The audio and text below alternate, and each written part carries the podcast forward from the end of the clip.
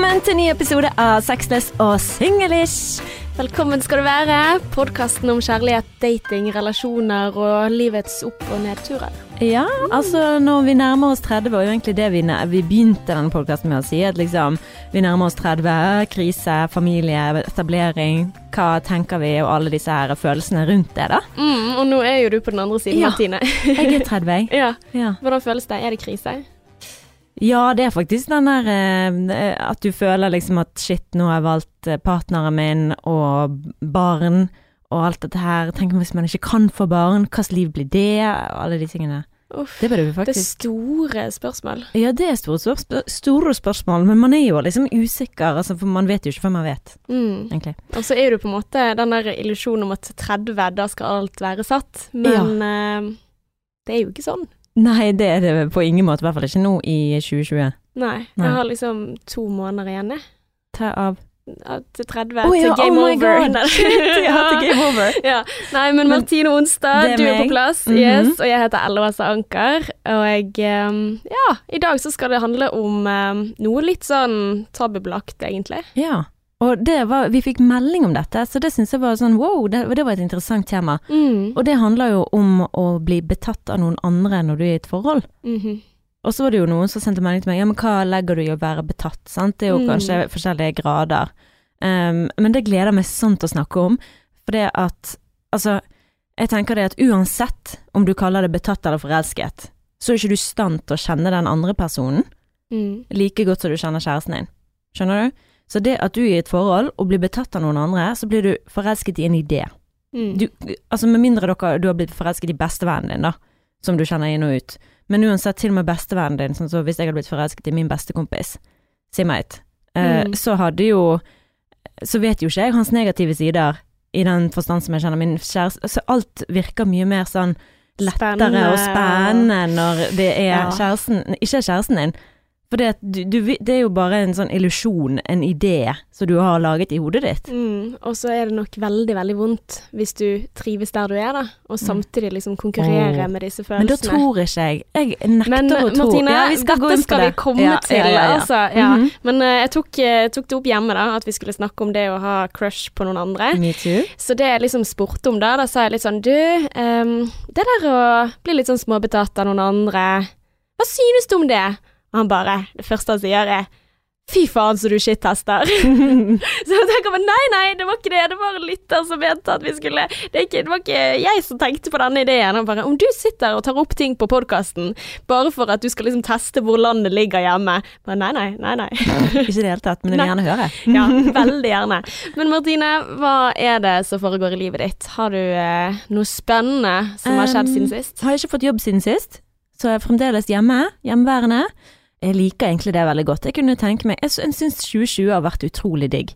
Jeg kjeder meg ikke. Jeg skjønner Altså, jeg har tenkt sånne pensjonister og sånn, de må jo um, De må jo kjede seg. Mm. Men eh, det er jo ikke kjedelig å være hjemme. Nei, altså jeg kjeder du ikke meg et sekund. Og jeg eh, ser ikke på serier. Det er ikke sånn at jeg våkner bare nå skal jeg se på serier i hele dag. Jeg gjør jo ting, liksom. Ja, og det er jo en veldig god egenskap. For at når jeg har fri, så det første jeg gjør er å sette på TV-en, sant. Og så kan jeg bli litt sånn lei av meg selv og liksom tenke åh, liksom serier og sånn. Ja. Men eh, jeg tror du må være ganske flink til å holde deg gående for å like det, da. Ja, men altså, en ting er jo å ha fri, for da er du fri fra noe som altså, Men en annen ting er at du har fri 24-7, så det, fritiden min, Mm. sånn på kvelden og sånn, da bruker jeg kan jeg se på serier. Men ikke på dagtid når det liksom er arbeidstid. Ja, Da skal må man sånn gjøre noe. regler. Ja, er du gal. Du må ha en, eh, Hin dagen så lagde jeg en sånn timeplan for meg sjøl, fordi at jeg følte liksom at jeg hadde ikke noe mål med dagen min. Mm. Så da satte jeg opp liksom ok, klokken halv ni. Jeg står ikke opp før halv ni. Nei, jeg gjør ikke det. Men det er lov. Eh, men da er det frokost. Det er jo tidlig. Ja, sant. Ja. Men det, du må komme deg opp, du må komme deg ut. Um, og noen dager står jeg opp med Adrian klokken syv, faktisk. Oi. Men uh, halv ni da er det frokost, og så var ni var det yoga. Åh. Eh, så hadde jeg yoga en time. Klokken ti, da var det å gå en tur. Og så klokken eh, elleve, da Jeg tror det var lunsj. Så hør på den dagen, da. Og så var det skriving i to timer. Ja. Og så var det manifestering, og manifestering i at du liksom skal tenke på hva er det du drømmer om, hva er det du vil, og være takknemlig for livet, og ha en liten sånn ikke meditasjon, men en sånn takknemlighetssession med meg sjøl. Og så var det det å sette opp avtaler en halvtime. Det skulle gå til å sette opp avtaler, se hvem jeg kunne møte. Så neste uke så har jeg masse møter. med folk. Så gøy. Spennende. Um, Spennende møter. møter. ja, eh, jobbmøter og folk som har lyst til å en, Det er en fyr i NRK som hadde lyst til å gjøre noe, finne på noe med meg. Å, så kult. Så det er veldig kjekt. Um, men så ja, jeg har bare satt opp masse avtaler, og, og så hadde jeg en sånn oppsummering av dagen. Satte jeg av en halvtime til det. Ja. Men det hjalp så deilig. Det var så deilig å, å ha liksom en timeplan å følge. Mm. Når man på en måte Her så, her så bare forsvinner jeg. Det er sånn, da sitter jeg på Instagram, da. Mm. For det var sånn jeg visste liksom Ok, jeg må være klar til klokken ti for å gå eh, Hva var det jeg gjorde klokken ti? Ja, gå tur. Sant? Da må jeg liksom være klar. Å, nå må jeg komme ut døren, for nå skal jeg gjøre det. Altså, du bare holder det mye mer til rammene istedenfor at du plutselig blir sittende og scrolle på Instagram, og så bare Mm. helvete, en halvtime, time seinere, så Men dette her er planmessighet på høyt nivå, altså.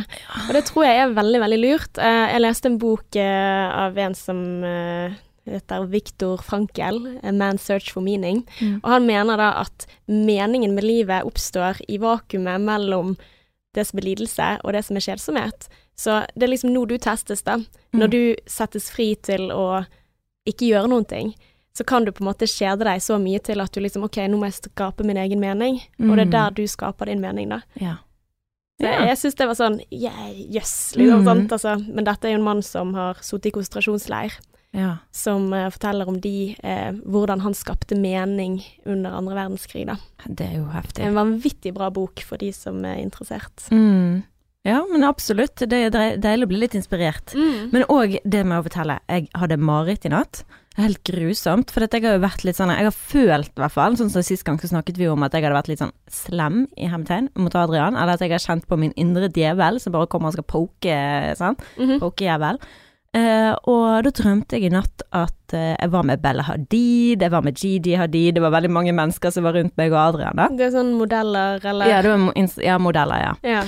Um, og kjendiser. Uh, men det, vi, var, fall, vi var med en hel gjeng.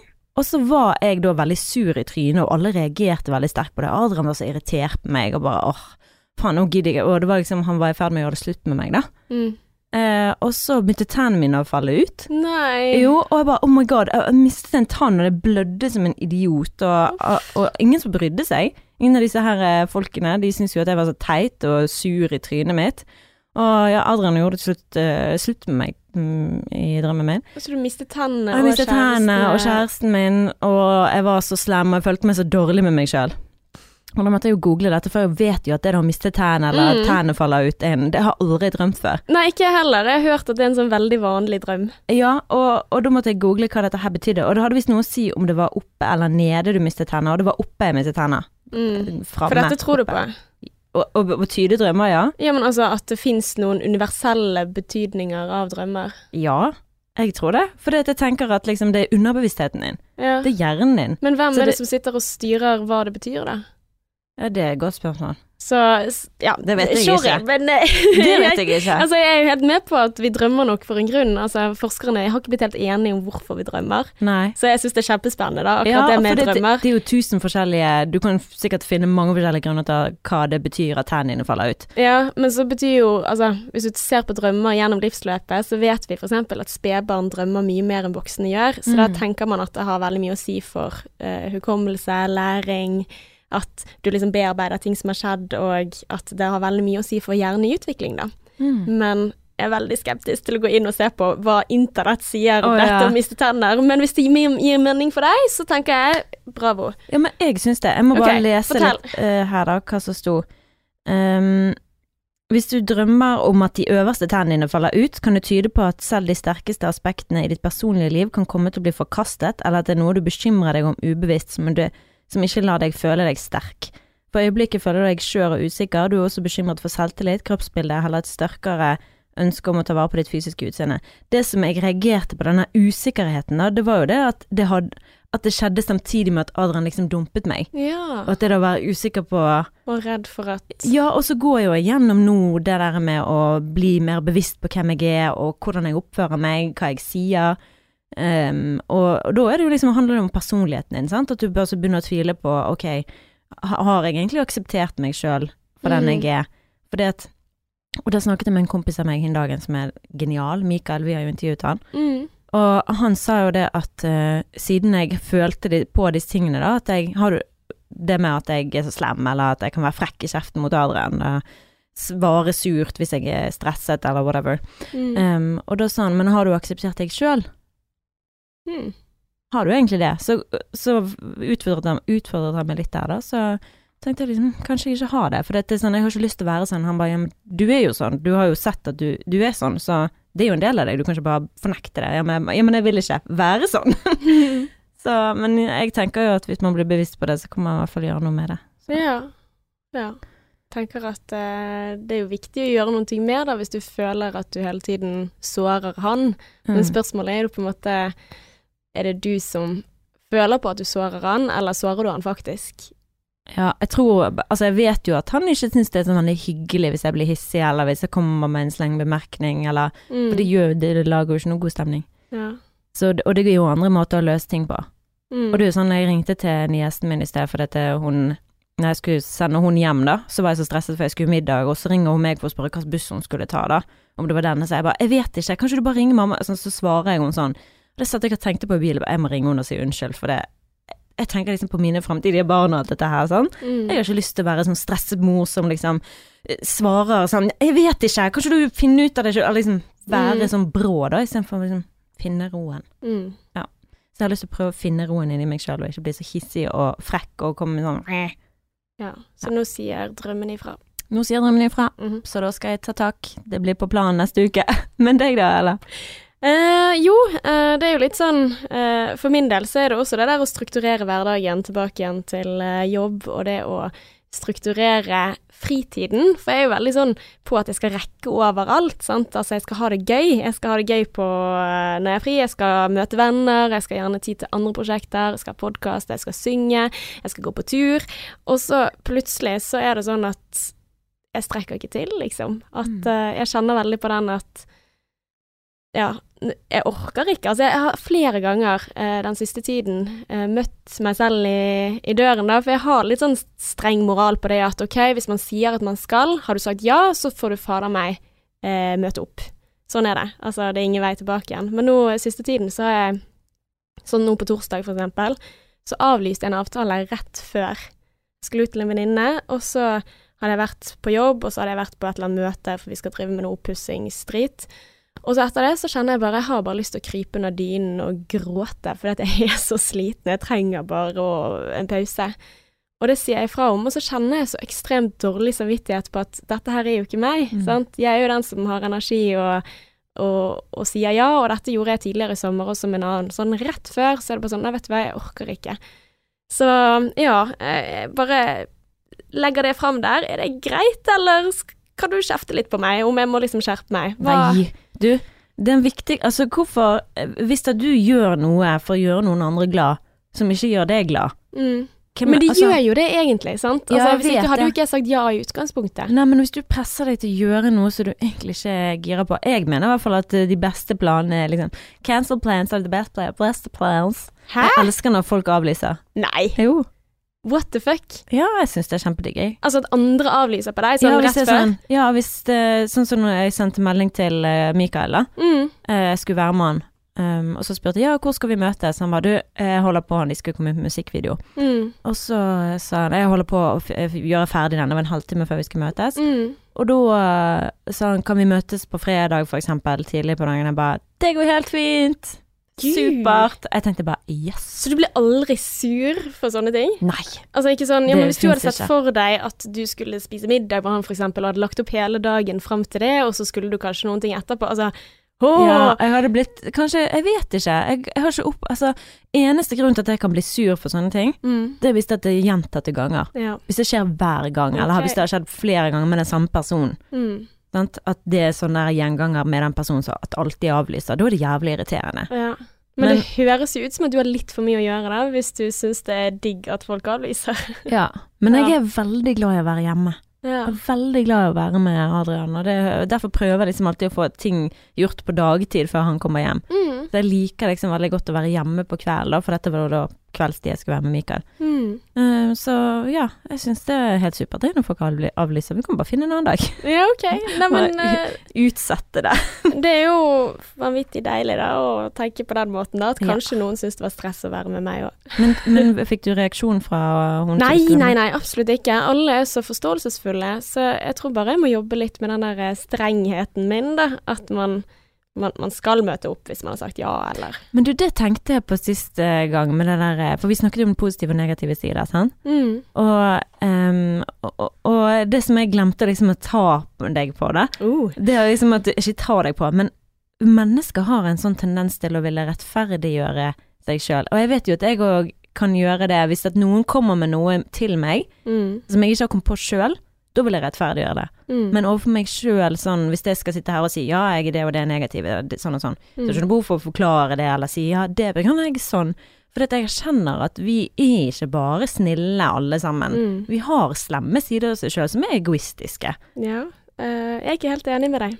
Å? Nei, Okay. ikke i det hele tatt. Du Eh, mener du er bare supergrei Nei, men jeg mener at eh, Nei, det, det er ikke det jeg sier, men jeg mener at ingen mennesker er født slemme eller eh, greie. Altså, jeg mener at det å kalle eh, sider av seg selv som positive og negative vil være veldig vanskelig å gjøre. Fordi at eh, dette var ikke noen ting jeg gjorde bare på meg selv, jeg gjorde det på deg også. Mm. For du sier 'jeg er slem'. Og da er det sånn, OK, hva, hva legger du i å være slem? Nei, men jeg sier ikke jeg er slem, jeg sier at jeg er frekk i kjeften. Jeg Ja, kan komme med frekke er kommentarer. et, eh, men det er ikke et personlighetstrekk. Personlighetstrekket frekk i kjeften, da, hvis vi skal ta det. altså, det vil jo være Jeg er spiss. Ja, eller du, du står opp for deg selv. Mm. Du, du sier hva du mener. Du har et høyt temperament. Du har kanskje eh, litt sånn at du fyrer lett, men det trenger ikke bare å slå ut i at folk synes du er frekk.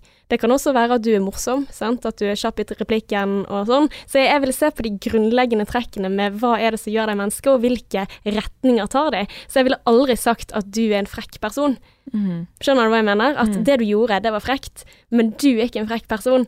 Uh, du er en uh, skarp, morsom jente som, uh, som har det veldig i kjeften. Sant? Du er veldig flink språklig, det er jo en egenskap du har. Men det er jo ikke alt vi gjør eller sier som er, kommer fra et godt sted. Mm, ja, For på hvilken vet, måte da? for altså, jeg vet jo at jeg kan si ting som er bare fordi at uh, jeg er selvsentrert. Jeg kan jeg, sånn som hvis jeg krever noe av uh, kom en stygg kommentar på lørdag når vi var på fest, og Adrian liksom sånn Mm. Åh, jeg er så flau over å si dette høyt. jeg gleder meg. Nei da, jeg skal ikke. Sant? Nå Men er jeg liksom sånn veldig full. skadefull. Jeg var veldig full, men Ok. jeg presterer å si til stakkars Adrian Åh, Folk kommer til å tenke sånn Hvor gidder han å være med henne? Men ok. Jeg sa at eh, jeg føler at alle andre her gir meg eh, oppmerksomhet og er nysgjerrig på meg, og ikke du. Sa jeg til Adrian.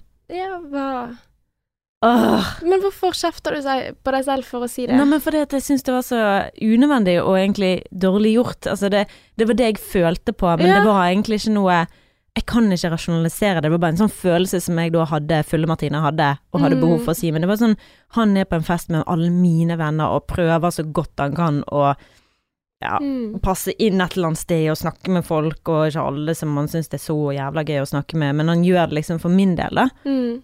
Og, og så at jeg kommer med den der. Det var bare liksom feil måte Altså, det, var, det ble bare dårlig stemning. Det var ikke noe hyggelig. Mm. Men, uh, Men tid og sted og, og, Ja, og promille og sånt, men likevel så er jo det en, en vanvittig viktig følelse men det å få ut av det. Altså en tanke det at OK, jeg føler at du At jeg skulle ønske du så meg mer.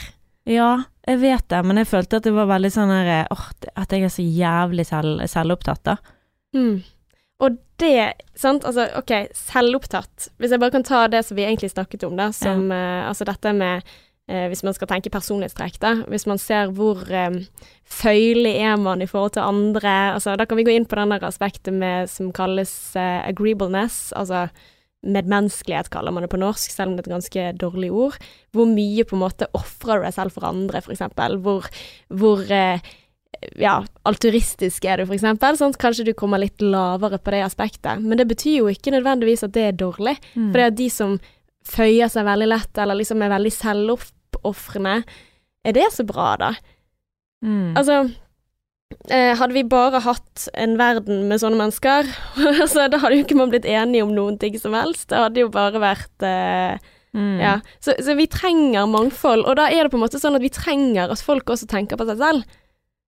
Så jeg vil ikke si at det er en negativ ting. Altså, alle Vi blir jo født selvfølgelig helt avhengig av andre. Da er vi jo født som barn som må skrike for at 'du må gi meg mat'. Mm. Det er jo en eh, egoisme i hermetegn, sant, fordi du er nødt til å overleve på et eller annet vis. Så dette er jo absolutt kjempeviktig for at vi skal overleve som art, da. Mm. At vi faktisk tenker på oss selv. Ja. Eh, sånn som du sa også et råd til meg i sted, om at jeg måtte da ta vare på meg selv fordi at jeg ikke hadde vært en god venn for de andre hvis jeg skulle Mm. eh, faktisk vært med de da, og ikke avlyst. Så det er jo på en måte Jeg vil ikke si at det er et negativt trekk, da, hvis du skjønner hva jeg mener. At jeg vil ikke definere om det er negativt eller positivt. Selvfølgelig kan slå ut begge veier, og i noen tilfeller så vil noen kanskje si at det var ikke så kjekt, men noen andre ville sagt at jo, det var ganske kult. Mm. Du fortalte meg før i dag om en eller annen som ble litt sinte på begge oss to.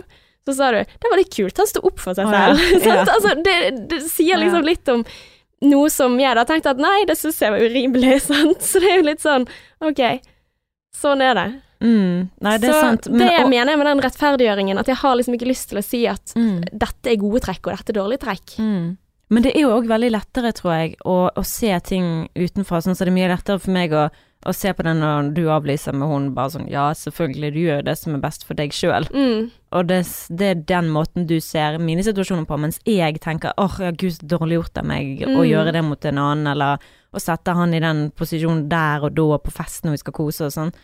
Så Og der har du kompisen din sitt råd igjen, sant. At han sier at du må akseptere det selv. Mm. Du må være venn med deg selv, og de sidene der, da. At ok.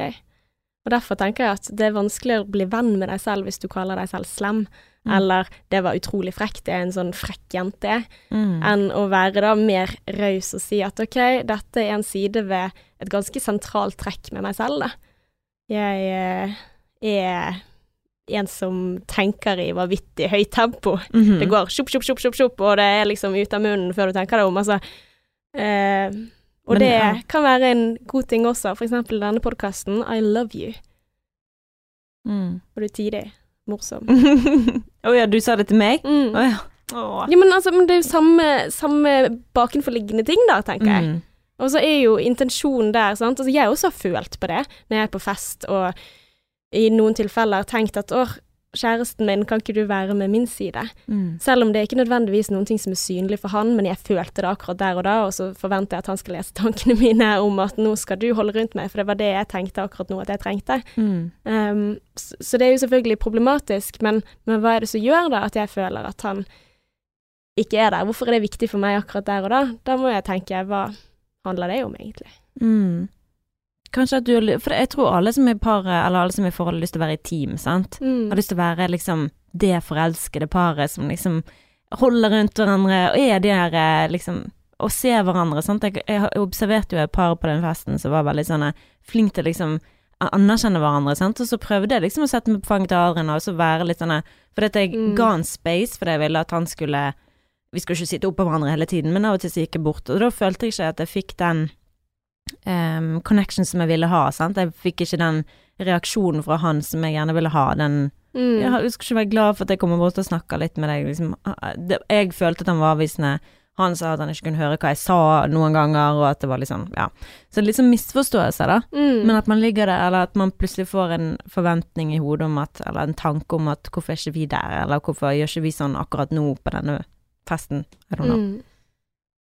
Men Adrian bare sånn, herregud, vi danset jo sammen, hvorfor ser ikke du det, hvorfor ser du bare det som ikke At man leter etter de tingene som bekrefter Det som man frykter. mm. Og er man full, så, og har drukket litt for mye sprit, så oh, Men gikk det fint etter hvert, da? Dagen etterpå Ja! Jeg var sur hele veien hjem. Satt i taxien og var, sa ingenting til han. Gikk og la meg, sa ingenting. Jeg lagde til og med sånn power cocktail til oss. Vi, drikker sånn her en greier før vi Antifyllesykekur. Eh, Nei, det er faktisk sånn som jeg har begynt med noe sånn pulver som skal fylle alle Så du tar en om morgenen og en om kvelden. Ja. Pitline heter det. Never heard of. Eh, nei, jeg må se om det funker først, jeg har begynt på det. Så da må vi ta en om morgenen og en om kvelden. Okay. Ja, så da lagde jeg den til han og ga han til han uten å se han. Så om morgenen så var jeg sånn Hei, ja. elsker deg. Full av dårlig samvittighet. Men uh, tok han det, da? Eh, etter en eh, grei samtale om det, Mm. hvor han eh, egentlig var jævlig irritert, for han syntes det var urettferdig, med tanke på at ja, det jeg sa om at han var med på festen og han prøvde så godt han kunne, og plutselig så får han Mm. kjeft liksom når han føler han gjør så godt han kan. Ja. Um, så klarte jeg å si unnskyld og erkjenne hva jeg i hvert fall Men jeg sa bare til han at det er ikke en rasjonell følelse for meg. Det er ikke sånn at jeg Mm. føler det på grunn av det og det. Det er, det er bare en følelse jeg får. Akkurat samme Mm. som kjemi. Det er ikke noe som du nødvendigvis kan forklare. Du bare får en følelse. Mm. Og så prøvde jeg å forklare det på fylla. Og det var ikke lurt. Nei. Men ferdig med det. Men så må bra! Reparasjon! Wee! Ja, vi reparerte det. Det er det viktigste. Ok, Martine. Nå til dagens topic. Og aller først må jeg si tusen takk til alle dere som har sendt oss meldinger. Det betyr så mye. Vi er på Instagram, sexløs og singlish, bare til å sende inn spørsmål, tema, ris og ros, Mm. alt mulig som du vil at vi skal snakke om. Vi setter så vanvittig mye stor pris på det. Ja. Og dette her er en sånn eh, et tema som jeg tenker at det er veldig godt at noen andre har kommet med det. Ja. For det er liksom så sånn Å, det å liksom ta det opp at dette her er veldig interessant. For det, det ligger så langt inne hos folk da å si det at OK, jeg er i et forhold, men jeg er ganske så veldig betatt av noen andre. Mhm. Jeg har vært der. Du har vært der. Mhm. Så det er veldig gøy. Men det er sånn som du sier, og det må jeg bare si, vi har fått masse temaer av folk som vi kommer til å ta opp utover høsten. Så det er bare til å glede seg. Vi har så mange meldinger i innboksen, så Å, nydelig. Ja, men i dag Så- er det altså det å bli betatt av noen andre, og det var jo folk som spurte meg liksom Ja, hva legger du i det? Er det betatt, forelsket? Mm. Men Og er det crush et godt øye til? Og det var jo en veldig viktig ting for min samboer, da, når jeg spurte litt sånn OK, men, men hva tenker du om det, sant? Men hva mener du med det? Er det liksom å synes at noen andre er fin? For selvfølgelig så gjør jo man det. Eller er det liksom nei, det må jo være mer enn det. At Det må du- jo være du, mer enn det. Det er ikke bare sånn 'Å, jeg så en dame på gaten og bare shit'. Nå, jeg, du er ikke betatt da, du bare syns noen er fin. Det er jo noe Mm. helt annet. Men å være betatt av noen er jo gjerne noen du ser på reg regular basis, da, enten det er på Mm. byen Kollega. eller kollega, som ofte er en sånn klisjé, for det er der du møter folk. Mm. Og jeg har jo flørtet med en på jobben. Ja. Men jeg følte liksom at det var mer sånn uskyldig, sånn, for jeg, altså, jeg hadde aldri blitt sammen med han. Men, men der er jo det på en måte forskjell da på det med uskyldig flørting. Altså når er det uskyldig, når er det ikke det? Ja. Sant? Altså, da er det vel kanskje to spørsmål du må stille. Uh, hadde du likt hvis det var omvendt?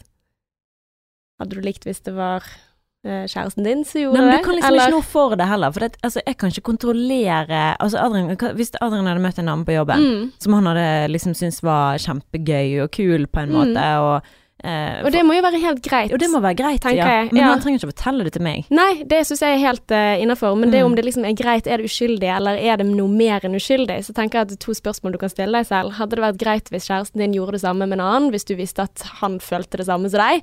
Uh, og nummer to, hadde du kunnet gjøre det mens kjæresten var i rommet? Hadde du oppført deg likt, på en måte? Eh, nei, det hadde jeg jo ikke. Uh, men altså, det er bare sånn Sånn som med han her som Det var i P5, da, han ene selgeren der. Mm. Hvor vi liksom var veldig sånn flørtete med hverandre, men ikke sånn Det var bare sånn det, det var aldri sånn at vi gikk og spiste lunsj alene, meg og han, Nei. og at vi liksom gjorde det på den måten. Mm. Um, jeg har jo hørt om en som fortalte det, at det, var, det er alltid to stykker som sitter sammen i hver lunsjpause, Mm. og da tenker du liksom De der, de må være, for begge to er gift, godt Mm. gift, da må det jo være noe Men, mer. men det hater jeg. Jeg hater det at hvis du er av ulikt kjønn, så er du nødt til å være noe mer. Nei, men det er ikke det. Det er Ja. jo bare det at man kan se det Altså Enten så ser man at du liksom chummy og bro og sånn, Mm. men hvis du ser to stykker snakke sammen, og du ser at det er liksom lidenskap knitrende i øynene til hverandre Åh, Eller at de er kan litt man sånn- se det, da? Altså, Jeg tror du kan jeg- se jeg forskjell på og hei, high five. Mm. Det er forskjell i måten måten Men med alle møter prøver jo å være eh, interessant og, og vise at jeg er interessert, sant. Altså, og jeg ser veldig opp til vennene mine, så det kan jo hende at hvis man ja, da hadde vært en venn av motsatt kjønn, at noen hadde tenkt det. Nei, ja, ja nei, men hvis det er liksom en sånn greie hvor du alltid ser de to sammen, Mm, sant. Å ja, de spiser lunsj sammen. Å ja, de er med hverandres pult hele tiden. mm, Sant? Men eh, nei, jeg tenker så lenge du ikke kysser, og så lenge det ikke blir en sånn greie, sånn at du går over, at du kjenner sjøl at oi, dette her nå For du skal ikke ha et liksom sånn hemmelig forhold på jobben med Altså hemmelig forhold med en på jobben. Mm. Det blir jo feil. Ja, hvor sånn går at- grensen, da?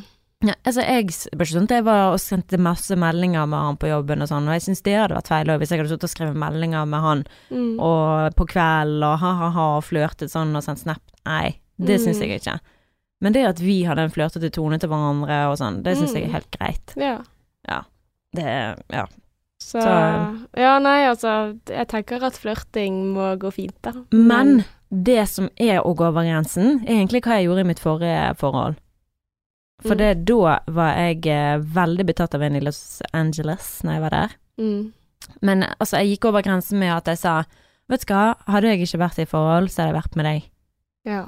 Du sa det til han. Ja. Mm. Han bare 'du må ikke si sånn til meg, Martine'. Jeg bare, jo, han var fransk. Han var så flott, syns jeg. Men sant, det er jo det med, med folk du møter, og du får en sånn 'wow, han var flott', eller 'å, vi har god kjemi'. mm. Så blir jo alt så mye bedre oppi hodet ditt enn det det kanskje hadde vært i virkeligheten. Mm. Man lager en fantasi, og fantasi er ofte bedre enn virkeligheten. mm. Og man kjenner jo ikke den personen, sant. Altså, eh, du kjenner de du kjenner de så godt som du kan kjenne de. Du, du kjenner ikke de like godt som du kjenner kjæresten din, og på et eller annet tidspunkt så blir den nye personen en som du kjenner like godt som du kjenner kjæresten din, og da Mm. kommer de negative sidene fram. Ja. Hvis du da velger å gå for den personen. Så det er jo samme effekt, altså glorieeffekten den som du har snakket om før. Ja. Som eh, hvis du hadde vært singel og møter noen nye, sant, så får du denne cocktailen av dopamin og oksytocin og adrenalin sammen, og du bare trenger mindre søvn, du bare Mm.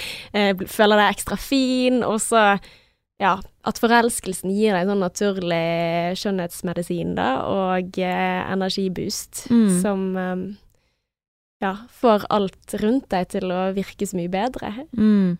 Så, Ja, da er du jo forelsket. Ja, og da går man over i den, men, men Mm. jeg tenker jo, altså, den meldingen vi har fått da, altså, nå skal jeg ikke si at hun er, er forelsket, hun sier at hun kanskje er betatt, men hun ønsket at vi skulle snakke om det når man er i et solid, fast forhold. Mm. Og det får meg liksom til å tenke, da.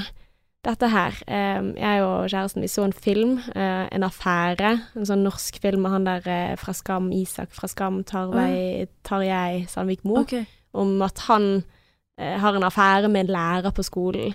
Og så er det første vi ser, er liksom det at hun læreren eh, er på en måte misfornøyd i sitt eget forhold, eller at han mannen ser henne ikke. Og så tenker jeg åh, det er så typisk, er det alltid sånn? Og så begynte vi å diskutere da, liksom at må det liksom være det som ligger bak et utroskap, eller et ja, eh, emosjonelt utroskap, da, vi skal si, kalle det det, da. Eh, det å bli betatt, eller begynne å fantasere veldig om en annen person. Mm. Er det det at eh, Må det alltid være sånn at du må ha det dårlig der du er? Fordi hun jenten som sendte til oss, hun tror ikke jeg har det dårlig der hun er. Hun Mm. sier jeg er et godt og solid forhold. Nei, nei, men ikke i det hele tatt. Men det som jeg har i hvert fall merket, er at hvis det er noen Jeg har jo aldri Jeg har ikke vært i et forhold blitt forelsket, men jeg har vært betatt. Sant? Litt sånn Mm. hm, hatt et godt øye til, eller syns han er flott. Ja. Men så kan jeg omgås den personen over tid, og så bare dabber det helt, så tenker jeg herregud, hva, hva hvorfor syns jeg han Så jeg kan liksom ha erfart den personen over lenge tid. Så din eh, tid. medisin er bare å møte de enda mer for å Å Ja, se om det faktisk er noe der, eller om det er bare en sånn der oh, ja. Eh, Nei, eh, jeg tenker motsatt. Hold deg unna hvis du vil være der du er. Ja, men det kan jo bare forsterke ønsket. Du vil jo ha det du ikke kan få. Ja, men så, Ja, kanskje. Men tanken er fri, liksom. Altså, det er jo det du gjør med det. Det hadde vært mye vondere for meg hvis jeg hadde funnet ut at han hadde Men Du går jo ikke på date med dem, men du har jo nødvendigvis liksom Du omgås fordi at eh, Jeg vet ikke, enten jobb eller at Ja. du eh, Jeg vet ikke. Ja, at de er i mm. Men det er jo noen som eh, man bare kan dyrke, sant. dyrke den, Men hvis det forblir der, så må det jo være noe i det. Absolutt. Men, men jeg bare For meg så først har det alltid gått over i hvert fall. Men dette her med at uh, det må være liksom Altså, det å bli betatt av andre er et symptom på at du har det dårlig der du er. Hva tenker du om det? Nei, jeg tenker ikke at det, du må ha det dårlig der du er i det hele tatt. Det er liksom Mm. vi mennesker. mennesker. Vi har laget et regelsett for oss sjøl, er at du er i et forhold, og du skal være trofast. Mm. Hvis ikke er du illojal. Men hvordan vi føler oss, altså hvordan vi føler det inni oss Jeg tror at sånn, hvis Adrian hadde vært eksponert for mange flotte damer i løpet av dagen, Mm. så hadde han helt sikkert blitt betatt av en av de. Tviler Mm. ikke på et sekund engang. Han er bare menneske. Mm. Hvis du møter noen og du har en god kjemi, hva faen, du kan ikke styre det. Det er jo bare en, liksom en kjemisk greie. Men det betyr ikke at det er noe som er varig, eller noe som du kommer til å kjenne for evig og alltid. Det er bare en spennende følelse. Men tror ikke du lyset må være litt på? At du må liksom være litt åpen for Nei. at Ikke i det hele tatt. Nei, for jeg har liksom hørt mange historier om det, da. Eh, jeg har eh, selv hørt historier fra venner som forteller det, at det var da de fant ut at ok, det er ikke riktig det forholdet jeg har. Blant annet en som vi har fått melding fra på Instagram, som snakker om det at ok, hennes første kjærlighet som varte i tre år, altså trodde det var bra, men så var det en kveld hvor hun var ute, og så ble hun sånn kjempebetatt av en annen. Mm. Og hun tok liksom det som at ok, dette her handler om at jeg ikke har det bra egentlig der jeg er, da. Og da Mm. bør jeg ta det som et tegn på at jeg må hjem og gjøre det slutt med kjæresten min. Men da Eller- har hun resonnert seg fram til det. Mm. Det betyr ikke at det er fasiten for alle, men for hun så var det lille dyttet hun trengte. Mm. For noe som allerede lå der. Ja. Men det trenger ikke være sannheten for alle. Det var jo en som skrev eh, på Instagrammen vår, skal vi se, uh, hvor kommenterte at ehm, ja, men jeg klarer å skille mellom tanker og realitet. Jeg vet at forholdet mitt er 100% mer verdt. Mm. Ja, nei, men det er jo veldig, veldig bra. Mm. Og så har vi en som har vært gift i 30 år, som sier 'hvem har ikke det'? Ja. det er lett for, altså. ja, men altså, men jeg tror jo det at i løpet av et langt liv så vil man oppleve det. Selvfølgelig finnes det andre attraktive folk. Det at du er sammen med en attraktiv person som du liker veldig godt, betyr jo ikke at du ikke vil kunne synes at noen andre er, er det. Og litt sånn samme måte som vi tenker på at vi har venner. At eh, ja, det at jeg har én god venn, betyr ikke at jeg ikke kan ha en annen god venn som jeg liker eh, på en annen måte. Men, men samtidig så tenker jeg det ligger noen ting i det også, da. At ofte, ikke alltid, for det er veldig vanskelig å liksom si sånn ja, det er alltid sånn, og det er dårlig der du er hvis du er utro, eller hvis du eh, har en affære. Det er jo en veldig sånn ja, eh, litt sånn dømmende holdning om at man skal liksom skylde på den som faktisk blir bedratt oppi det hele, og det er jo en kjip ting. Men, men jeg tror jo ofte det at man har lettere for å tråkke over, og kanskje dyrke den fantasien hvis man har det dårlig, eller hvis man for eksempel Kanskje det er sexlivet, eller kanskje du har nettopp fått barn, og så alt hjemme er liksom traust, og Ja. at eh, Ja, jeg skal ikke si at det er traust å få barn, og det vet jeg ingenting om, men det er liksom at her er hverdagen, sant. Det er unger, og det er leggetider, og det er liksom ganske usexy. Du har kanskje ikke tid til å ja, dyrke hverandre, da. Man har ikke så mye Mm. tid, og da er det lettere at når du da får litt pause fra det livet, kanskje på jobb, at den kollegaen som egentlig ikke var så fin, blir litt finere eller litt mer spennende fordi man har det gøy, og at det er lettere at det gnistrer. Så jeg, jeg, jeg tror jo at, ja, absolutt at man har lettere for å se etter de mulighetene hvis man har det litt kjipt i livet, da. Og det trenger ikke å være partneren sin feil, men det kan jo være det også. Ja, men nå har vi jo faktisk eh, hatt en statistikk, da, eller på hvor mange som Eller jeg har tatt det på Instagrammen min og spurt folk har du vært i et fast forhold og blitt betatt av noen andre. Så vi skal se liksom hvor vanlig dette her er, da. Mm. Um, og skal vi se Det som det står her, det er at det er 52% som sier ja, jeg har vært betatt av noen andre, og det er 48% som sier nei. Oi. Det er faktisk ganske jevnt. Det er vanlig. Ja, dette her er da 94 som stemmer på ja, 86 som stemmer på Mm. Og det som er litt interessant da, fordi at uh, før denne episoden så gikk jeg inn på nettet for å liksom se hvor mange er det som gjør noen ting med det da. Mm. Jeg tenkte litt sånn, hvor mange, hvor vanlig er det å være utro? Og så kan jo man finne masse sånne artikler om at det er kjempevanlig, 70% er utro, så er det sånn, ok, kom igjen. Men Mm. en som stod så litt uh, troverdig ut, det var Romerikets Blad som skrev om, hvor de da hadde samlet, um, altså en sånn samlestudie da, hvor de hadde tatt 31 studier og funnet ut sånn cirka hvor mange i vestlige parforhold, og da ikke parforhold, folk som er gift, har vært utro mot den de har vært gift med. Mm. Og da fant de ut at det var sånn et sted mellom én av fire og én av fem. Oi. Ja.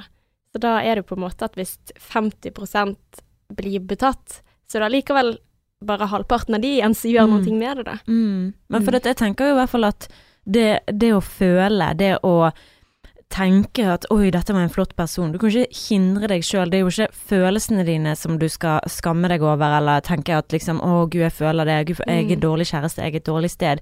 Det er handlingene dine. Mm. Sant? Altså, du har, du har et valg i livet. Du har ett liv. Du bestemmer om du skal være med denne personen eller ikke. Mm. Og du bestemmer, selv om det er ikke så jævlig enkelt alltid, så um, er det opp til deg om du har lyst til å være lojal eller illojal. Og jeg Mm. tenker at det å ha følelser er ikke illojalitet, det er en Mm. naturlig menneskelig følelse. Absolutt. Um, det, det, ja, jeg, jeg har følt på det, at jeg har liksom tenkt at noen er kjempeflott, og så har det gått en tid, og så har jeg tenkt nei, kanskje de var så, så flott likevel. Mm. For det, man har gjerne kjemi med noen, sant. Ja. Men sånn Guri, og, eh, i hvert fall sånn eh, i den oppussingstiden med meg og Adrian, hvor ting var litt sånn eh, stress og sånn. Og det er jo litt over på det der at hvis det er mye som skjer hjemme, Mm. og hvis noen andre da er veldig opptatt av meg, sant, eller blir veldig nysgjerrig, eller snakker til meg veldig sånn og jeg bare sånn Å, nå får jeg det som jeg ikke får hjemme. Men man liker jo å være spesiell, eller føle Ja. seg spesiell, så hvis noen får deg til å, å gjøre det, så er jo det en ekstra litt sånn uh, uh, ja. Det gir deg en god følelse, Mm. sant. Um, men uh, ja, jeg tenker i hvert fall at uh, det er helt naturlig å føle Mm. på å bli og få, ja, flørte med, eller føle seg betatt. Men, ja. ja. Og over et langt liv, da, så er jo det unaturlig å tenke at det ikke skjer. Mhm. Altså, jeg, jeg ser liksom for meg at eh, at det er ganske vanlig, men så er det også sånn Når skal man si fra om det? Sant? Altså, når går det over grensen hvor man tenker at OK, når er det for mye, og hvor, når er det det truer det forholdet du er i, da? Sånn som for eksempel hun jenten som sendte inn melding om at hun var i forhold, men at hun da skjønte at OK, det er faktisk ikke så bra der jeg er, da, eller jeg føler meg ganske dårlig der jeg er. Så når er det på en måte den flørtingen eller betattheten ja, står i veien for det kjærlige parforholdet du er i, da? Mm, jeg tenker hvis at, hvis at det, føl, de, de følelsene som du har for den andre personen, gjør at du liksom nesten har litt Altså, du må bare kjenne på det sjøl, sant. Altså, hvor hvordan følte du deg i starten av forholdet med den som du er sammen med? Er det noe du kan hente tilbake igjen? Mm. Eh, men sånn som med eksen min, sånn, så, var- så det er jo veldig rart, for det, når jeg ble da betatt av han der i LA Mm. Det var ikke sånn at Jo, jeg kom faktisk hjem og søkte han og prøvde å finne han, og sånn, jeg fant han aldri. Men de følelsene gikk liksom over og sånn, og det, Mm. det falt meg ikke inn å skulle gjøre det slutt med, med han da. At det, Det var, var- liksom Ja. Det, var, det, var, det falt meg ikke inn. Det var en Å, det- fantasi. Det var en Ja. Ja, det var en fantasi, men En tanke. samtidig så var jo jeg Gjorde det slutt med han her, Ja. eksen min. Det- Det gikk jo kanskje to år, da, ja. og så gjorde det slutt. Mm. Men uh, Men det hadde vel ikke noen ting med det å gjøre? Nei, jeg vet ikke. Jeg tenkte jo, jeg husker jeg spurte han når vi var i Syden en gang, dette Mm. husker jeg veldig godt.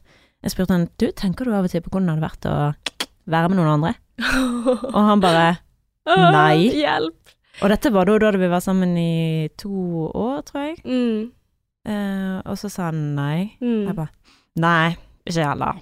Ja. Og det tenkte jo jeg, da gjorde jo jeg selvfølgelig det, sant. For det, Mm. det, var, det var, jeg vet ikke, så kanskje det var noe underbevisstheten min som, for jeg kan virkelig ikke huske følelsene mine for han. Og jeg kan ikke huske ikke Altså, jeg kan ikke Altså, det er akkurat som om det er et annet liv. Det Mm. virker helt Begynner å bli en stund siden også, da. Ja, det gjør jo det. Men- det, Men de, de samtalene, altså, for jeg har jo tenkt sånn at OK, sannsynligheten for Altså for eksempel sånn i starten av forholdet med han jeg er sammen med nå, da, eh, så var jeg jo kanskje litt sånn sjalu på dette her.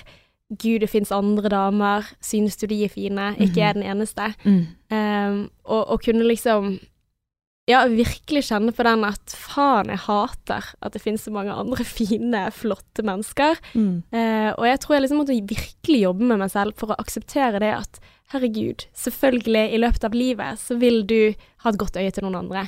Selvfølgelig vil du finne andre attraktiv. Kanskje til og med vil du, ja, vil du gå over i forelskelse. Men det Mm. handler om hva gjør du med det. Og helt fram til du velger å gjøre noen ting med det, så har jeg ikke lyst til å vite det. Mm. Altså, da om du har en flørtete tone med noen altså, Eller hvis noen prøver seg på deg på bussen eller sånn, så vil jeg vite om det, for det syns jeg er kjekt. Jeg syns Ja. det er kjekt å se at du er attraktiv, og at andre liker deg fordi at faen, det, du er min. Mm. Sant? Altså, det, det gir meg litt sånn kick, da. det at uh, andre viser oppmerksomhet til han, og at han føler seg bra, da. For det unner jeg han. Men i det øyeblikket han skulle liksom fått et litt ekstra godt øye til en kollega, eller noe sånt, så tror jeg jeg hadde syntes det var veldig vondt å vite om det.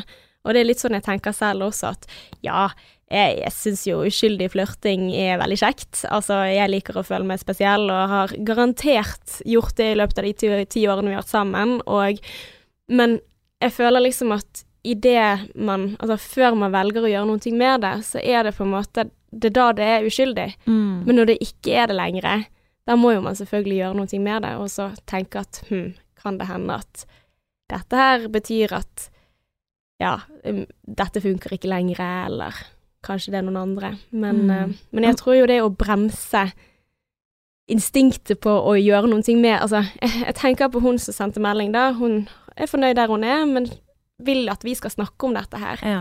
Tenker at det må være ganske vondt å stå imot, da.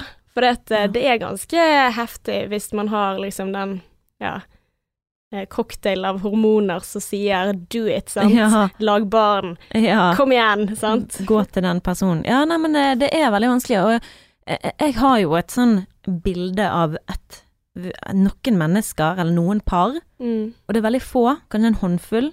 Og det kan være folk som jeg følger på Instagram, eller um, for eksempel onkel og tanten min, Mm. eh, hvor jeg har et bilde av Vet du hva? Fordi Det kan være at jeg tar feil, jeg har jo ikke spurt, Mm. så det kan godt være at jeg tar feil. Men jeg har liksom de, de er sikkert sånn som bare liksom ser hverandre og bare virkelig ikke Ja. For det, jeg tror det er noen som kan ha en sånn connection, da. At det på en måte det er liksom Hæ, nei, jeg har ikke noe interesse av noen andre. Men det, Seriøst? men jeg tror ja, det, jeg, Og det kan være en forvridd tanke i hodet mitt, men det, jeg har jo en tro på liksom sånn sjelevenner og eh, det, det, en sånn slags kjemi som bare føles veldig sånn Det er meg og deg. Mm. Men jeg har jo ikke Jeg har ikke følt det, så jeg kan Mm. ikke vite det. Men jeg tror jo da å lete etter det vil være farlig, da. på et eller annet vis. Ja, fordi det er at, sant, eh, for du leter etter det um, på en måte umulige, Ja. eller Ja. Hollywood-kjærligheten, liksom, som er en ting som ikke fins. Men da tenker jeg at det som de parene har, da, som man ser opp til, og tenker at ok, de har bare hverandre, de er veldig tydelige overfor hverandre, da. De virker trygge i deres selskap. Altså at det er et mål i seg selv, da. At ok, vi kan være avslappet i hverandres selskap, og jeg vet at du velger meg, da. Mm. Uh, og det er jo litt sånn derre Alle disse små tingene Altså, jeg googlet litt på dette her med eh, altså følelsesmessig utroskap, eller det man kaller mikroutroskap. Alle disse sånne små tingene som mater den følelsen av at 'Å, den personen var litt ekstra fin', sant. Eller eh, hvis du eksempel sammenligner kjæresten din med at 'ja, åh, jeg er ikke helt fornøyd med at altså, han rydder jo aldri, men den Mm. personen der, han, han har orden på livet sitt', liksom. Mm. Og ja, det hadde jo vært veldig fint å hatt en sånn som han. Altså, for da er man litt sånn i tankene utro, og tankene fri, det kan man ikke gjøre noe med, men jeg tror du da mater litt den ideen om at å, det er litt bedre på andre siden av gjerdet. Og da var det liksom flere ting som ble tatt opp, da. For eksempel som, altså, som er liksom definert som sånn mikroskopiske utroskap, selv om du i dag ikke har sex eller kysser noen andre. Men det er for eksempel å gå gjennom ekskjærester eller flammer eller den du er betatt av, og liksom stalke de på sosiale medier, at det er liksom en ting som da kan gjøre det vanskeligere å være der du er, sant. Hvis du da ser på disse glansbildene, sant. Åh, åh der er han i bar overkropp, og ja, nei, han spiller noe gitar, han der. Ja, nei, det hadde jo vært veldig kjekt at vi to kunne sammen sittet foran peisen Mm. og tatt et glass vin så du sitter med denne hunden din og det der. Altså, for det, det trigger jo illusjonen, da. Men også det der å gjøre seg fin, øh, pynte seg litt ekstra fordi at nå skal jeg møte den personen. På én side så jeg leste at noen parforholds eh, eh, sånn samlivsterapeuter sa at det kunne være en positiv effekt i det forholdet du er i, fordi at er du fin, så vil kanskje kjæresten din også synes at du er fin, og kanskje spice opp eh, der du er, men ja, det er sjeldent, da, hvis tankene dine er en annen plass. Eller for eksempel eh, eh, sende liksom flørtete tekstmeldinger, eller ja. Eh, så, så det er jo på en måte litt det der eh, ja. Jeg syns Flørte. flørtende tekstmeldinger, det er ikke greit. Nei, for det er liksom altså, Selv om det kanskje kan ses på så uskyldig, så er det kanskje litt sånn steg én til at det ikke er så langt til neste steg, da. At uh, ja. At, Jeg vil, jeg vil i hvert fall føle at hvis jeg hadde gjort uh, Tatt og åpnet mobilen min og bare sånn Vær så god, gitt den til Adrian. Mm. Så hadde ikke jeg følt meg stresset og må ikke gå gjennom bare «Øh, Er dette trygt, eller Nei, jeg vil bare at han skal se. Det er akkurat det han vil. Ja, nei, da- noen ganger så har jeg skrevet ting på notatene mine som jeg kanskje ikke hadde hatt lyst til at han skulle lese. Mm. Men um, når det kommer til meldinger og sånn, så har ikke jeg noe Eller historier fra andre venner som jeg tenker at det har ikke du noe med, da. Altså, Hva er historier? Å oh, ja, altså, sånn ja. Nei, men han har jo ikke noe interesse ting. av å lese meldinger med meg og venninnene mine, eller Nei. Og så av og til er det noen bilder som jeg syns er litt flau. Hvorfor tok jeg de, liksom? Oh, ja. Ja, men Adrian vet at jeg tar så mange selfier at Ja. ja. Og jeg prøver jeg liksom å late som at jeg ikke gjør det. Jeg kan ta sånn bilde av meg sjøl naken eller sånn, også i speilet, og så kan jeg vise den. Se, var ikke det fint? Jeg tok det i dag. Var ikke det fint? Ah, ja, sant. Eh, Mm. Holde det levende der du er. Ja. Ja. Men um, ja. Jeg Det er synes, vanskelig. eh, ja, og jeg, jeg tror liksom at i løpet av et langt liv så vil parforholdet du er i, det være vanskelig. Ja. Det vil være andre fristelser, og, og forhåpentligvis, når det skjer, Mm. så eh, tar man det riktige valget. Enten om det er eksempel sånn som hun ene, å innse det at fader, jeg har ikke det noe bra der jeg er, eller bestemme seg for at pose og sekk det sjeldent eh, blir noe bra på lang Å sikt. nei, men det er så dårlig gjort. Det går så imot alle mine Mine Mm. tre grunnmurer inni meg. Absolutt. Lojalitet, respekt og ærlighet. Mm. Det er det viktigste for meg. Og der er jo det også sånn at hvis man har, altså apropos det med lojalitet og ærlighet, at sånn som det at for eksempel at jeg liker oppmerksomhet, det gjør jeg jo. Mm, uh, og jeg jeg syns uh, det er fint at folk flørter med meg, og liker å ha en flørtete tone tilbake igjen. Det kan jeg godt ha. Det er noen ting som han vet. Mm. Det er en side med meg, det er ikke noen ting jeg trenger å legge skjul på, da. Og det, og det er sånne ting som jeg gjør automatisk, som jeg ikke tenker over heller. Og vet du hva jeg eh, merker? At hvis noen ser på meg Mm. på en viss måte sånn veldig sånn som at de har lyst til å spise meg Åh, nei, det er skummelt. Ja, men ikke sånn psyko-spise meg, men sånn Nei. liksom bare sånn Ser på deg med sånn Ja. skikkelig sånn Intenst blikk. intens blikk. Det skjer, og det er jeg så svak for. Og det Åh. er sånn jeg kunne ønske jeg fikk eh, oftere hjemme. At Adrian så på meg som en Han er ikke den typen. Han kan gjøre det av og til, og da blir det liksom, Mm. da tør jeg ikke å se han i øynene nesten. Sant? Men det er noe jeg liksom det, det er virkelig en sånn svakhet i mm. meg, da, hvis noen ser på meg med et intenst blikk. Jeg har til og med skrevet en bok om det.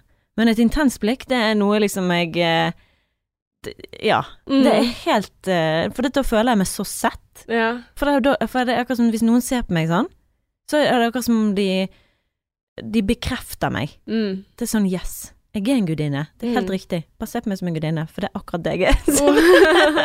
Nei, men det, det er Ja, noe jeg er helt jævlig svak for. Ikke se på meg på den måten. Bare just don't do it. Hver gang folk gjør det, altså uansett om jeg ikke eh, Uansett om jeg ikke er betatt av de eller liker de på den måten, så kan jeg kjenne på det. ja. Dette føles godt. Ja. Og det er en sånn Det er kun de med, menn med selvtillit som klarer å gi det blikket. ja. Og Er det ekte, det blikket? Jeg vet ikke, men det, det sier veldig mye i mine følelser, i hvert fall. Det Ja. bare trikker på alle knappene mine. Uff. Ding, ding, ding, ding, ding. Men hvis vi skal liksom summere Ja. opp, liksom, sånn ut ifra dette her å være betatt av andre, Hva er du svak for, da? hva er jeg svak for? Altså, hva er liksom ting som får andre Oppmerksomhet. Og er det bare ren oppmerksomhet? Ja, eller at folk gir komplimenter, eller altså, Sikkert sånn som du sier, at man føler seg sett, da. Ja. Og jeg tror ikke nødvendigvis at det er sultent blikk. så er liksom, da tror jeg at jeg blir litt sånn redd. Jeg, jeg husker jeg, venninnene mine, for de òg ville sagt sånn Nei, det vil ikke jeg ha. Nei, men, men altså, jeg, jeg tror bare det har skjedd én gang hvor jeg merket sånn en i en bar som liksom har en sånn intenst Altså, da, det, jeg bare får helt sånn Åh, mamma! liksom, hjelp meg! Hva skal jeg gjøre? Liksom, stop it! sånn. men, men det er sånn som jeg husker som en sånn skikkelig sånn uggen følelse. oh, ja. liksom, sånn, Det, det er creeps. ja, eller, men det kan jo hende at han var creepy, da. Mm. Det kan jo hende. Men uh, ja. Men ja. ja. Mm. Men det skjer ikke så ofte, da, så det kan jo hende at det, det er sånn også. At eh, jeg er ikke vant til det. Men eh, nei, jeg er nok svak for andre som viser interesse. Det er jo um, Bare ikke med sultne blikk. Ja, så lenge de ikke er sultne, da, da går det greit. Men eh, ja. Så det, det handler jo om det å føle seg bra, og så er det også det å skille mellom Er dette her Altså, det går jo fint an at jeg føler meg bra, og samtidig har det bra hjemme, da, og Mm. ikke spiller videre på den. Og ofte så er jo det Heldigvis så finnes det mange mennesker som får deg til å føle deg bra som det ikke er noe seksuelt involvert, da. At det ikke er det som er intensjonen. Sånn, sånn som jeg ser for meg sånn som med han der kollegaen din, at det var liksom aldri en intensjon fra noen av sidene, men en mer flørtende tone, sant. Ja. At det er litt sånn gøy at ja, at man føler det litt på den måten. Og det har jo jeg hatt i, i Altså har jeg mange vennskap som er sånn, Mm. eh, hvor så lenge ikke intensjonen er at jeg vet liksom at OK, vi, vi er der, liksom, at det er ikke Det er ingen som Never gonna happen. Ja. Ja. Men eh, det har jo skjedd at noen har tatt det som Ja, tatt feil, da. Ja. ja. At man har tenkt at dette her er ja, vennskapelig, og så Ja. Får man beskjed om at det er det ikke. bitch. Mm. Men da vet du OK, shit, da har jeg sendt ut feil signaler. Ja, Mm. men jeg har jo, har jo en gang gått på date uten å vite at det var date. Nei, Jo. med hvem da? Nei, det var lenge siden. Altså, du gikk på skole skolen med, liksom? Nei, en jeg hadde, hadde vel uh, møtt på et sånt uh, jobboppdrag-ish. Og så tenkte jeg liksom sånn at ja, nei, men det er jo hyggelig sånn. Altså, for det har jo for eksempel Det var når jeg bodde i Trondheim, tror jeg. Og så jeg har litt sånn lett for at For det er jo såpass ekstrovert da, at jeg liker å være rundt folk, og da er ikke det problematisk å si sånn Hei, du, deg har jeg møtt før, eh, jeg har lyst til å drikke øl. Kan vi, kan vi gjøre det? Mm. Um, og det kan godt hende at vi ikke var på date, men vi hadde liksom Jeg tenkte at dette var en god kontakt å ha videre, og han virket kul, og, og hvorfor ikke bare ta en øl, for jeg har en, en kveld her uansett som jeg ikke har noen å være med, og jeg hater å være aleine, så Mm. da spør jeg om det, liksom. Vennskapelig. Og det, det var jo en veldig kjekk kveld, men helt til slutten hvor jeg fikk en sånn video etterpå, sånn søt film til søt jente, da tenkte jeg sånn ah, OK. Oh. Ja, eller den derre Altså, jeg merket det kanskje på vei hjem at liksom, OK, nå går det litt tett, da tar jeg ett skritt til siden, og, og sånne ting, da. At um, Ja. Så da, da kan det godt hende at jeg har vært utydelig, og Mm. det er ikke kult gjort. Ja. Men da er du, ikke så lenge du forklarer deg etterpå, bare sorry, det var ikke sånn ment. Mm. Det er flaut, det. Tåler det. Ja, det gjør man. Men jeg vet ikke hvordan vi skal oppsummere dette her, heller. Men jeg tror du må bare, du som hører på, må kjenne på dine egne verdier. Hva er det kompasset ditt sier inni deg? Sier Mm. kompasset ditt at å, nå går du på ville veier, så må du ta så rette opp igjen, og så må du ta, det, ta et valg. For hvis de Mm. følelsene er så sterke at de nesten overgår det forholdet du er i, da tenker jeg ta et valg. mm. For for min del så har det i hvert fall ikke vært sånn i mitt nåværende forhold at noen av de følelsene jeg har hatt, har vært sånn Mm. Jeg er så forelsket i deg at det overgår mitt forhold. Jeg- Nå har vi Mm. bare vært sammen i tre år, så det kan jo være det skjer i de neste 20 årene, for alt jeg Ja. vet. Men, uh... Men det er, altså det er naturlig å kjenne på følelser for andre mennesker, og spesielt fordi vi ikke vet en dritt om de, mm. bortsett fra de positive attributtene som de tilbyr. Og det å huske på det tror jeg er lurt hvis du har Mm. lyst til å være der du er der. Det å liksom minne deg på at dette her er ja, glorieffekten og hormonene som bare kjører på. Jeg må legge ut det der kartet som du sendte til meg. Du Hvilket sendte meg et kart, eller en sånn oversettelse. En sånn Det positive med en mann har ofte det- Dette er det negative men det, det positive ved det. Den derre Du sendte meg en sånn oversikt. Gjorde jeg det? Ja, men den Jeg Husker husker ikke. Det var en Lenge sånn derre Hvis du er morsom, så er dette en negativ side. Hvis du er sånn Altså fordi at du liksom skal forstå at de gøye menneskene har gjerne Hvis du er sånn og sånn Hæ, husker ikke du det? Er du sikker på at det ikke var du som sendte det til meg? Det høres Du- mye mer ut som noe du hadde sendt til meg. Eller så har du drømt. Kanskje det er en del av underbevisstheten. Men det hørtes gøy ut, da. Legg det ut. Ja, jeg skal ta så legge det ut. Jeg bare tenkte kanskje jeg klarer å, å finne det, men meg og deg snakker jo så jæklig mye sammen at det kan bli litt vanskelig å finne det igjen. Ja, det er faktisk sant. Ja. ja. Men eh, jeg skal ta så finne det, for jeg mener jeg har lagret det på mobil. Da kan jeg legge det ut. For dette er en liten sånn påminner til deg sjøl, da. At uh, hvis du eh, frister til en person, så kan du se hva de negative sidene med det er. Så får du vite det. Slipper du å bo i et år med de for å finne det ut. Da kan du bare se på denne oversikten som ja, ja. vi har. Og så tror jeg også at, at det der eh, Ja, ikke gi det mye næring, holdt jeg på å si. Altså, det å snakke med Finn noen venninner som, som støtter deg, og så ja, hjelper deg å ikke skamme deg over noe som Ja. er veldig menneskelig. Men også da prøve oss å jobbe imot og analysere og gå inn i forelskelsesatferd, på en måte. Ja, men også det er så sant det du sier, du. At du er nødt til å ha noen som du kan faktisk snakke med om det, som ikke kommer til å dømme deg for det. Mm. Ja. For det er ganske trist, ser jeg for meg. Ja, absolutt. Mm. Uh, nei, jeg fant ikke den her, men jeg lover love jeg skal legge det, til, jeg legger det ut. Jeg mener vi har nevnt det før, skjønner du. Aha, Ja. kult. Nei, men jeg gleder meg. Men uh, takk for uh, praten, Martine. I likeså. Vi er back next tirsdag. Ja, og som vi har nevnt tidligere i episoden, så har vi jo fått inn en del meldinger.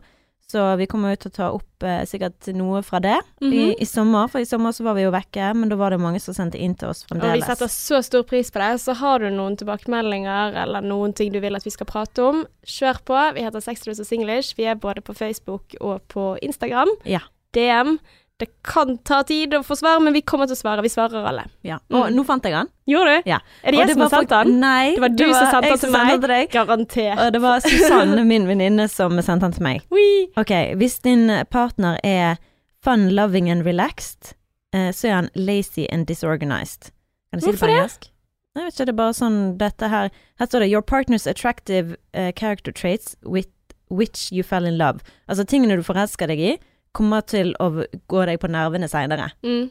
Så det er liksom det er de positive sidene som kommer til å Så det er i hvert fall Jeg vet ikke hvor, de her, hvor kilden er, da. At liksom hvis du er morsom, så er du egentlig lat.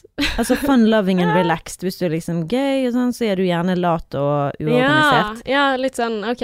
Ja, for at du er liksom chill. Jeg tar det chill, men det gjør du også med de bokserne som ligger eh, ved Mm. sengekanten her. Og hvis du er bubbly og eh, viv viv vivacious, Ja, Bubbly litt and sånn vivacious. Livlig Ja. type. så du er emosjonell ustabil, det er sant. Det er. Opp og ned. Ja. og dette neste er meg òg, hvis du er sterk og um, reliable, at du er til å regne med. Mm. Um, så er du òg sta og ikke fleksibel, det er jo meg. Hvis du er avslappet og rolig, så er du kjedelig og mangler initiativ. Uff da. Hvis du er seksuelt lidenskapelig, så er det, vil du bare ut etter sex. Åh. Og hvis du er, er rik og suksessfull, så er du materialistisk og overfladisk. Og så har du lite tid, ikke minst. Hvis du for eksempel Ja, Da er du veldig eh, opptatt av jobb. Ja. Um, hvis du har lyst til å være nær, så er du needy, så er du liksom på Ja. ja, og eh, avhengig av den andre. Mm. Og hvis du er omsorgsfull og um, adaptable, Mm, altså tilpasningsdyktig. tilpasningsdyktig, så er du svak og uh, uten ryggrad. Uff da. Hvis du er vittig og har masse humor og sånn, så uh, er du gjerne en som ignorerer dype følelser. Åh, shit, men dette her er jo det vi snakket om i begynnelsen av episoden, Martine. Du snakket om at jeg rettferdiggjørte sidene av av personligheten, så sier jeg det finnes yeah. alltid positive og negative sider med de samme trekkene. Boom! True story, Oi, yes. Men eh, utrolig kjekt at du hører på. Tusen takk, vi setter stor pris på det. Har du lyst til å give oss some stars in iTunes, we love you. Åh, please Ja. do. Og tusen takk til du som gjorde det. Ja, Mm, tusen takk, vi det så det. Så mye. Men Vi OK, nå er det babli, babli, babli, bopp. Nå sier vi until next time. XOXO.